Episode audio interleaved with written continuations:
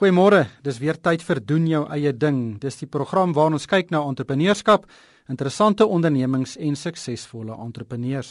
En hopelik kan ons die saadjie van entrepreneurskap by iemand plant en hulle so ooreed om 'n onderneming te begin. Ek het die afgelope jaar met verskeie entrepreneurs gesels en ek kry altyd versoeke van luisteraars om weer van hierdie onderhoude uit te saai en daar's altyd versoeke vir twee spesifieke 'n gesprekke wat ek met entrepreneurs gevoer het en vandag gaan ek weer hierdie inspirerende onderhoude uitsaai. Die eerste een is 'n gesprek met Dawie en Marike Swart van Investicor. Nou dis 'n eiendomsbesigheid wat met een eiendom begin het en binne 15 jaar het Dawie en Marika hierdie een eiendom omskep in 500 eenhede. Dis werklik 'n groot suksesverhaal.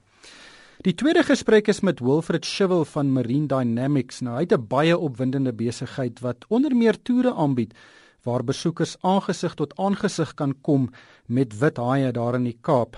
Uh, ook 'n interessante verhaal. Maar kom ons begin by Dawie en Marika Swart.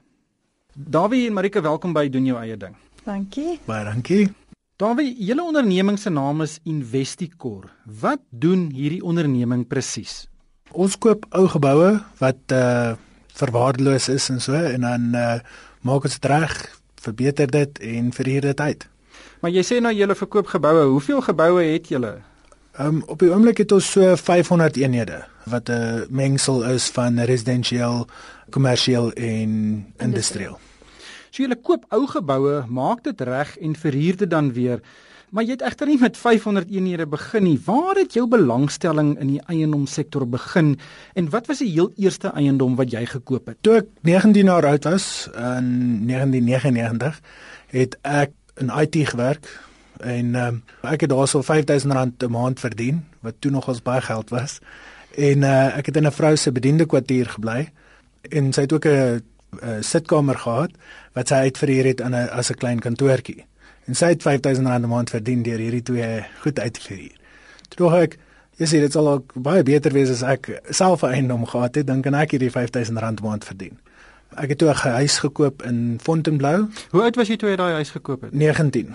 So uh, dit was nogal 'n storie want jy moet mondig wees om 'n eiendom te besit, maar jy kan 'n eiendom besit as jy of 'n CC kan 'n eiendom besit, so ek het dit so gedoen.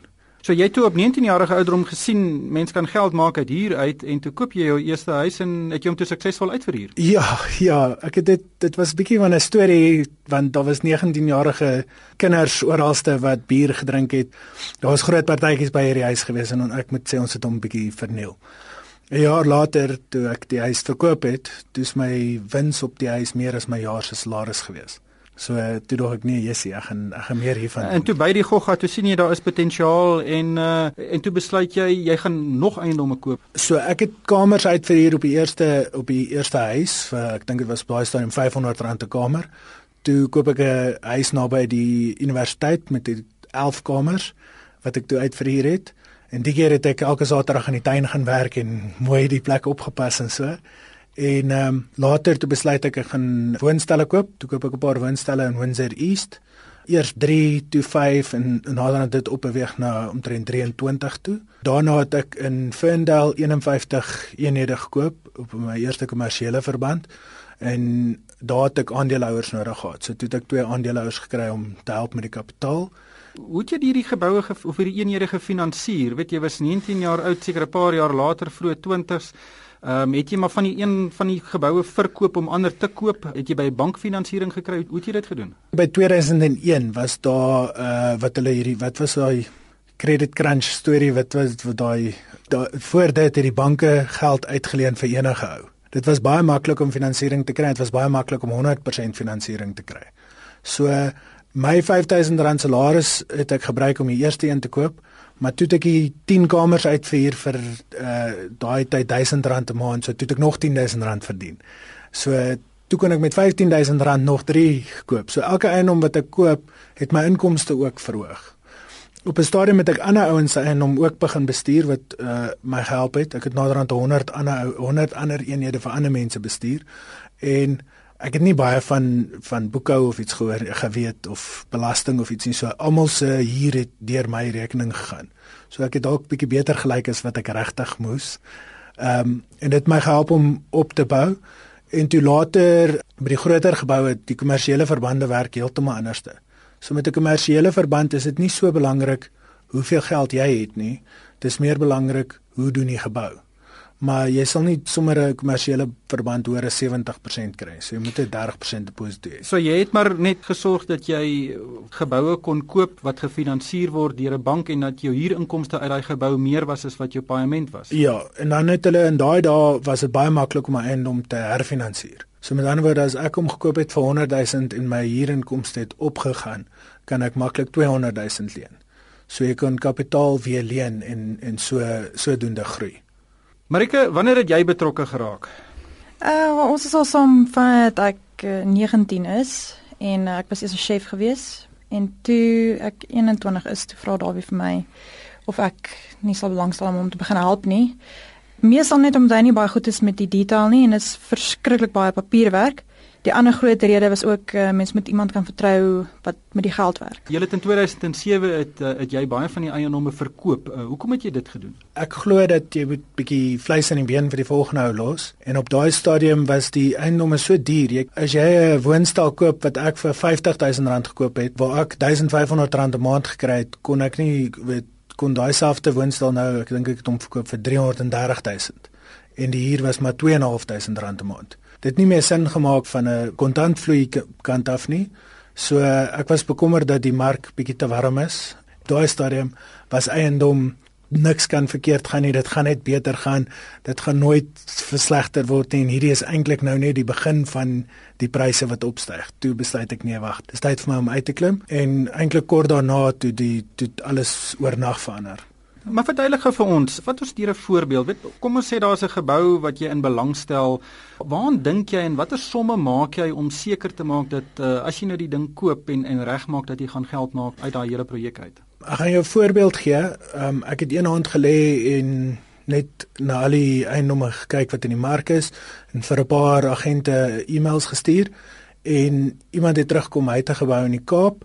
Die gebou was 7.5 miljoen rand en hy het 86000 rand 'n maand inkomste gehad wat nie sleg is nie, maar daar was 30% van die gebou wat leeg gestaan het. So met ander woorde as ek 'n huurder kan inkry, is dit skielik 'n baie baie goeie eiendom. Ek het die volgende dag Kaap toe gevlieg. Ek het daai selfde dag die aanbod ingesit. Dis aanvaar en 'n dag later het iemand my gebel gesê hier's 'n miljoen rand as, as jy nou net wegloop. Wat ek toe nee gesê het voor. Ek het omtrent 2 miljoen rand aan die gebou spandeer om hom mooi te maak en so. Ek het 'n baie goeie huurder ingesit en daai gebou is 3 jaar later nou 36 miljoen rand werd. Hoe het jy geleer van eiendom? Waar het jy het jy 'n kursus geloop? Eh, het jy gelees? Waar het jy geleer om die regte somme te maak om so weet 'n geleentheid raak te sien? Elke boek wat ek kan sê een van die groot goed wat ek gehou het van oorsee gaan want Suid-Afrika het baie min eiendomboeke weet so as ek Australië toe gaan dan kry ek 'n paar boeke daarso. Ehm um, so ek het meestal maar deur boeke wat ek gelees het. Die storie is maar almal soortgelyk, baie soortgelyk aan my storie ook. Ek het 'n huis gekoop of ek het 'n woonstel gekoop en toe 2 en toe 3 en nou het ek met 100 of hoeveel ek al dit. Maar nie baie mense kan dit doen nie. Ehm um, baie mense het een woonstel, miskien twee, probeer dit self bestuur, weet kry 'n huurder wat nie huur betaal nie en dan weet jy jy stamp jou kop. Ehm um, daar is risiko's betrokke, maar hoe gaan jy van een huis in 1999 tot meer as 500 eenhede 'n paar jaar later? Hoe hou jy jou vinger op die pols um, om seker te maak dat al jou eiendomsbeleggings weet op dieselfde vlak presteer? Met 'n huurder byvoorbeeld is 90% van die werk is wanneer jy die huurder plaas. As jy verkeerde ou plaas, gaan jy verskriklik lank sukkel. So as jy 'n ou kry en jy kry dit baie, ek verhuur my woonstel vir R3000 'n maand, dan kom 'n ou en hy doen aansoek my verdien R4000 'n maand.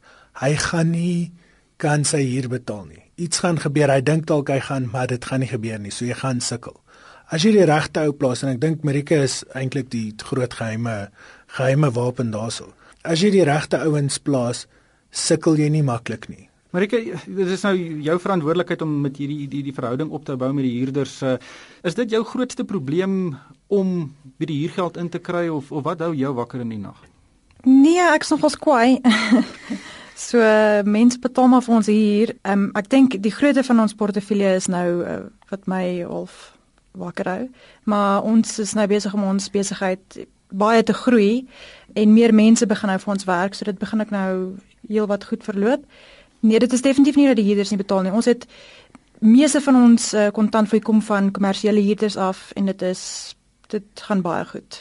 Baie mense gaan nou luister hier aan en dink jy dit vat spesiale talent om van 1 eenheid tot 500 eenhede in so kort tydperk te groei. Dink jy iemand kan vandag nog op 'n 19-jarige ouderdom sit en dit ook doen? Ek sou dit bietjie anders gedoen het as ek moes oor begin. Ek dink nog ons baie daaraan want Ek het baie jong mense wat my vra vir advies en weet weet kom kers opsteek en sit daarso en praat en wat moet hy nou doen? Daar's altyd geleentheid. Daar's verseker altyd geleentheid. Ek hou nog steeds van die commune idee. Koop iets naby die universiteit, verhuur dit uit. Daar's altyd belangstelling van studente af en ons net te min studente behuising. En dit is 'n lekker plek vir 'n jong mens om self ook te bly.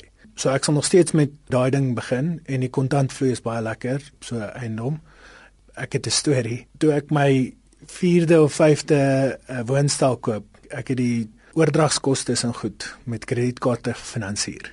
Ek het wat sewe kredietkaarte gehad op daai stadium en ek het uit kontant uitgehardloop en 'n vriendin van ons het vir my gevra of ek dit na toe gaan en sê, jy weet ek het hierdie probleem. Toe sê sy sy sal my die 10000 rand leen. Ek het die 10000 rand gevat, ek het elke maand vir staat gestuur en op die 6ste maand want ek het gesê ek sal dit leen vir 6 maande, op die 6ste maand geld teruggee met 'n bos blomme met die rente. Baie dankie. Ek het vir 'n goeie rente betaal. Toe sê sy nee, jy het nie nodig om my nou terug te betaal nie. Toe sê ek nee, ek sal dit terugbetaal want ek weet as ek dit weer nodig het, sy het vir my leen. Die volgende keer wat sy vir my geld geleen het, was dit 750000 rand. So daai vertroue, jy weet, jy doen wat jy sê, jy bou jou reputasie op, dis hoe jy vorentoe gaan, want jy gaan ander mense se hulp nodig hê. Jy gaan dit nie alleen kan doen nie. As iemand nou by die huis sit en en, en dit oorweeg om 'n besigheid in eiendom te begin, kan jy net drie vinnige reëls gee wat wat foute wat jy moet regtig vermy om te maak? Jou wins lê in jou koop, nie in jou verkoop nie. So as jy verkeerd koop is is gaan jy dit nie maak nie. So reël nommer 1 is jy moet die regte eiendom koop. Die tweede ding is jy moet jou emosie uit dit uitprobeer hou. So een van die laaste goed wat ek doen is gaan kyk na die eiendom. My spreadsheet werk eers. As my spreadsheet werk dan uh doen ek die die aanbod en as jy aanbod aanvaar is, het ek gewoonlik so 'n 3 dae jy weet due diligence waar ek hmm. gaan kyk. Okay, hoe lyk hierdie eiendom actually? Hmm. So my nommer 1 ding is hou jou emosie uit dit uit. Want dit gaan maklik na hierdie gebou toe dink jy, oh, dis so mooi en dan gaan dit so mooi maak en kyk hierdie sandsteen hierso en en dan maak jy maklike fout. Jy's ook nie bang om 'n eiendom te verkoop nie. Is dit nie baie keer 'n probleem dat baie mense te lank vashou aan 'n eiendom nie? Ehm um, ek sê altyd ek's 'n ek's 'n melkboer nie 'n vleisboer nie. so ek melk my koeie, so ek hou nie ek hou nie daarvan om 'n eiendom te verkoop nie. Dis baie duur want dit veroorsaak belasting en dis nogal 'n storie en jy weet jy jy ken nie eiendom, so jy weet jy weet wat sy wat's goed en sleg van hom.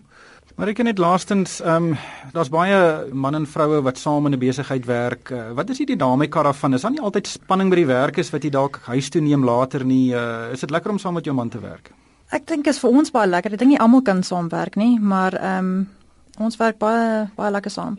Ons bou al hierdie besigheid vanaf ons 19 is saam en as dit goed gaan met besigheid, gaan dit goed met beide van ons. So ehm um, ons is vennote. En uh, ek word veral ook behandel soos 'n vernoot, nie net soos jy weet administrasie vrou in die kantoortjie nie. En ek help hom besluite te neem. So ons het 'n baie eweredige tipe van 'n manier om na die besigheid te kyk. Jy dink nie terug daarna om 'n chef te wees nie. Nee. nee, ek doen nie. Nee. Ek ek kook genoeg vir die gesin nou. Op die lyn uit Kleinbaai is Wilfred Chivel van Marine Dynamics en dis 'n baie interessante onderneming wat onder meer haaiduike in die Kaap aanbied waar toeriste aangesig tot aangesig kan kom met onder meer 3 meter lange groot wit haie. Wilfred, uh, welkom by doen jou eie ding. Dit klink nou 'n baie gevaarlike besigheid, maar julle is al 10 jaar aan die gang.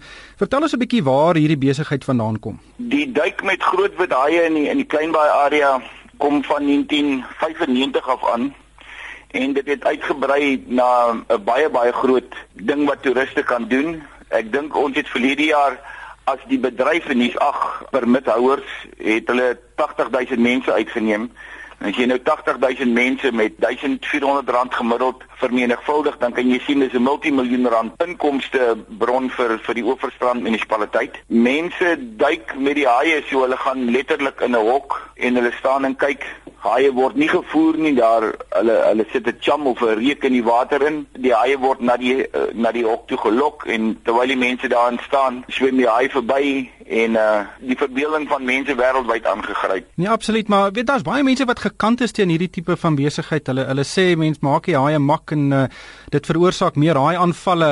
Wat wat is die situasie? Weet jy, ons is baie gelukkig. Ek het um, ons het altyd 'n student of twee op die tans het ons drie doktorale studente en een um, postdoc uh, wat by ons navorsing doen oor die haie en ons doen al vir 10 jaar navorsing. So ons kan onomwonde sê dat nommer 1 die haie word nie gevoer nie, nommer 2 ons het geen residensiële haie in die area nie en ons weet dit deur na hulle dorsale vinne te kyk wat soos 'n vingerafdruk vir haie is. Um, ons haie vir hierdie area is is almal haie wat net vir 'n tydjie kom en dan en dan weer weggaan. Ons dink hulle bly vir 'n maksimum van 6 weke.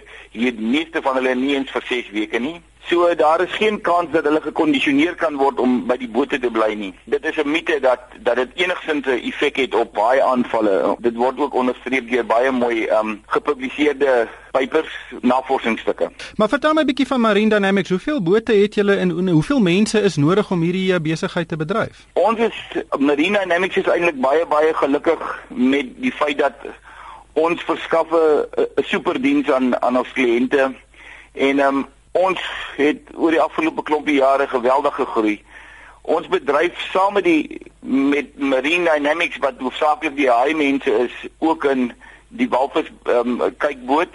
Dan bedryf ons ehm, 'n um, baie suksesvolle restaurant, die Great White House. En saam met dit ook 'n 'n um, 'n program International Marine Volunteers waar daar volonteërs van alle lande afkom om om en betaal om om saam met ons uh, te werk en te duik en en meer te ondervind van van die area en en die groot wadaaie. So Marine Dynamics gee werk aan 82 mense. En jy kan net dink in 'n klein gemeenskap soos Gansbaai, ehm um, dat is 82 mense direkte broodwinners kring uit na 'n groot groot klomp um afhanklik is. As jy die hele besigheid is afhanklik daarvan om 'n lisensie te kry en en baie keer hou dit baie weet mededingers uit die mark uit. Jy het net nou gesê daar is 8 mense of 8 ondernemings met lisensies. Uh, hoe moeilik is dit om hierdie lisensies te kry en en wat moet jy alles doen om om daai lisensie te behou? Die enkele grootste bedreiging vir 'n besigheid soos ons is om om jou lisensie te behou. Want die regering ehm um, het baie baie streng maatreëls. Dit wat jy moet behaal ehm um, van 5 jaar tot 5 jaar want dit is die vir die tydperk wat ons ons lisensies kry, kan drasties verskil. So die doelpale kan uh, geskei word. Baie moeilik vir ons om tred te hou met wat sal die volgende doelpaal wees. Ehm um, swart bemagtiging, ekonomiese swart bemagtiging is baie baie belangrik by ons. Dan goed soos ehm um, hoeveel mense jy in diens voordeel eh, voorheen benadeel is, hoeveel dit, hoeveel daai, hoeveel vroue. Ehm um, so daar's baie baie gestreng gedragskodes wat ons aan moet voldoen. Beperking, kompetisiebeperking, daar's ag ehm um, ehm um, bote hier. Daar is 3 in Kaapstad, daar's 2 in Mosselbaai. So die kompetisie is is, is redelik uh, straf. Kom ons gesels 'n bietjie oor hoe dit nou werk op die boot. Uh, weet jy ek neem aan julle is baie afhanklik van van weeromstandighede. Uh weet in die Kaap is maar weet hy's nie vir nie die Kaap van storms nie. Hoe beïnvloed dit die besigheid? Ja, ons leef saam met die weer. Dit is dit is ongelooflik uh, die wat die impak wat die wat die weer op ons het. Dit kan die pragtigste mooi sonskyn dag wees dan het ons 'n groot swel as gevolg van 'n koue front wat wat 1000 km van die kant af um, verby beweeg dit kan ook ehm um, die wind hier by ons hier word die wind gemaak. Ons het geweldige suidooste storms somer en dan groot klompe koue fronte uit die noordweste uit in die winter. En dan kan dit 'n pragtige dag wees en en die die sigbaarheid onder water is is nul of ehm um, die haie kan baie skaars wees en jy kan letterlik vir ure daar sit en selfs vir 'n dag daar sit um, en en geen haai kry nie. So daar's baie faktore wat wat ons beïnvloed. Ons ons vergelyk dit maar met die boerdery. Um, dit is 'n dis 'n moeilike bedryf wat dit betref. Ek kan aanneem dat dit nogal 'n bietjie frustrasie op 'n boot kan veroorsaak as jy nou daar uit tussen jy het nou geld betaal om 'n wit doodshaai te sien en jy sien hom nie. Uh hoe gereeld gebeur dit en en wat doen julle dan om hierdie hierdie gemoedere dan op daai boot 'n bietjie te kalmeer? Ja, weet jy dit is baie belangrik om die mense se verwagting te temper voordat ons see toe gaan. So ons ons het die module van ons uh, moenie vir hulle te veel uh, beloof nie en dan moet ons vir hulle meer gee as wat ons vir hulle beloof het. Dit dit werk altyd. So voor die tyd moet ons hulle sê daar is 'n moontlikheid dat jy nie 'n haai sal sien nie, 'n groot wit haai sal sien nie. En dan as jy hom sien, wees baie gelukkig. As jy wil seker wees om 'n haai te sien, gaan na 'n akwarium toe. Hierdie is nie 'n akwarium nie, dit is soos 'n dit is soos 'n wildtuin. En ehm um, ek dink 99.9% van die mense wat ooit kom en dan nie 'n huisie nie, ehm um, stap nog altyd gelukkig hier weg. Dit, dit hang af hoe hoe 'n mens voor die tyd jou jou kliënt voorberei. 99.9% van die mense sien wel haie. Dit is baie minder jy bote uitgaan en en en hulle nie haie sien nie. Nou, hoe gevaarlik het, is dit? Uh as 'n persepsie weet die die die die uh die witdoot haai is 'n baie baie gevaarlike dier, uh, maar jy jy's in 'n hok, maar werklik is daar enige gevaar? Ek hoor jy noem weer daarso die wit doodhaai, daai naam bestaan nie meer nie, nee, dit is die groot wit haai. Ehm um, en en dit is eintlik glad nie gevaarlik nie. Daar's nog nooit iemand seer gekry as gevolg van die haai se aktiwiteit um, in hierdie bedryf nie. Ons sê altyd vir die mense die gevaarlikste deel van hulle van hulle toer vir die dag was hulle was hulle rit van van waar hulle ook al af is ehm um, tot in Gansbaai. Die ehm um, die groot haai is uh, ons is definitief nie op die hmm. op die menu of die spyskaart van die groot wit daai nie. Ehm um, die idee dat hulle in die hok sal wil kom of die boot stamp met hulle neuse of wat ook al is is lankal bewys as as mites. En ehm um, die die die film Jaws waar hierdie haai so ongelooflik kom en en en ehm um, uh, uh, feite het met die met die eienaar van daai boot. Dit is net wensdinkery. Kan jy nog onthou toe jy die eerste keer in daai hok was, uh was jy toe 'n bietjie senuweeagtig? Ja, weet jy, ek het 'n spear fisherman, pyl vispyl jagter of wat ook al. So ek was bevoorreg om om 'n paar keer al met 'n groot wit haai um, sonder 'n hok in die water te wees senuweeagtig maar 'n maar 'n ongelooflike gevoel. Jy het nou gesê jy het verskeie dele van die besigheid wat strek van walvis uh, toere tot 'n restaurant en nou die haai ehm um, wie toere wat jy aanbied. Uh, waar het jy begin? Ek neem aan jy het nie met al drie besighede begin nie, maar jy het stelselmatig gegroei. Ja, ek het eers um, in 2000 het ons net 'n walvispermit gehad en ons het dit direk van van die destydse minister van omgewingsake Wally Musa gekry. En um, ons het dit toe uitgebou um, in 2005 het ons die ehm um, die die die die die hypermit ehm um, bekom en in 2007 het ons die restaurant bekom en in 2008 het ons die marine volunteers begin. In daai tyd het ons ook 'n bewaringstrust begin, die Dyer Island Bewaringstrust. En die bewaringstrust strek oor bewaring en dan ook oor navorsing. En ons is gelukkig om om altyd navorsings navorsers te hê wat op enige een van die marine uh, groot 5 ehm um, navorsing doen. En die groot 5 die marine groot 5 is die enige een ehm um, die haie die walvisse die dolfyne die pikkewyne en die robbe in hierdie area en baie keer ja 40 50% van die kere wat jy op die boot uitgaan sal jy al vyf van hierdie diere sien. Dit is op die walvisboot uitgaan. Sal jy al vyf van hierdie diere sien. Hmm. Hoe hoe bemark julle? Weet ek neem aan weet as mense vir mekaar vertel van hierdie ongelooflike ervarings, eh, weet is baie waardevol, uh, maar het julle ander maniere hoe julle die besigheid bemark? Weet jy, ons doen ten minste 4 internasionale toere per jaar. Ehm um, van hulle saam met uh, SA Toerisme op hulle ehm um, noem hulle roadshows en dan um, na internasionale uh, groot internasionale skoue Ehm um, die webwerf is ons vir ons baie belangrik, brosjures is vir ons baie belangrik en dan het ons ehm um, vier bemarkers dames wat uh, direkte bemarking doen uh, by gastehuise, hotelle en agentskappe wat mense na Suid-Afrika toe bring. Julle is natuurlik afhanklik van diere, weet haie en walvisse en en pikkewyne en robbe en daai tipe van dinge. Maar dit is nie binne jou beheer nie. Dink jy daar word genoeg gedoen in die in die Wes-Kaap om daai weet die bronne of daai diere te beskerm sodat jou besigheid kan weet van krag tot krag kan gaan? Ek dink die bewaringsmaatreëls wat oor daai diere gedoen word is is goed op papier. Ek dink nie ons doen altyd die maksimum om om die wet toe te pas nie maar maar ek dink dit is redelik redelik goed beheer. Ehm um, en en die bedryf is ook uh, selfregulerend sodat as as as ons sien dat daar iewers in die mark um, 'n operateur of buitemense is wat wat hierdie wette oortree, dan word daar baie vinnig um, daarop gelet en en en en klagtes aanhange gemaak. So ek dink ja, ons ons kyk goed na dit. Dankie Wilfred. Mag dit mag jy altyd goeie weer kry en en en baie haie sien. Uh, ek dink dit is 'n baie interessante besigheid. Baie baie dankie. Julle is altyd welkom om om om ons te kom besoek. Ons sal verseker so maak. Dit was Wilfred Chivel van Marine Dynamics. En daarmee is dit die einde van vandag se program. Uh doen jou eie ding is weer op 26 Januarie terug en dan gesels ons weer met inspirerende entrepreneurs.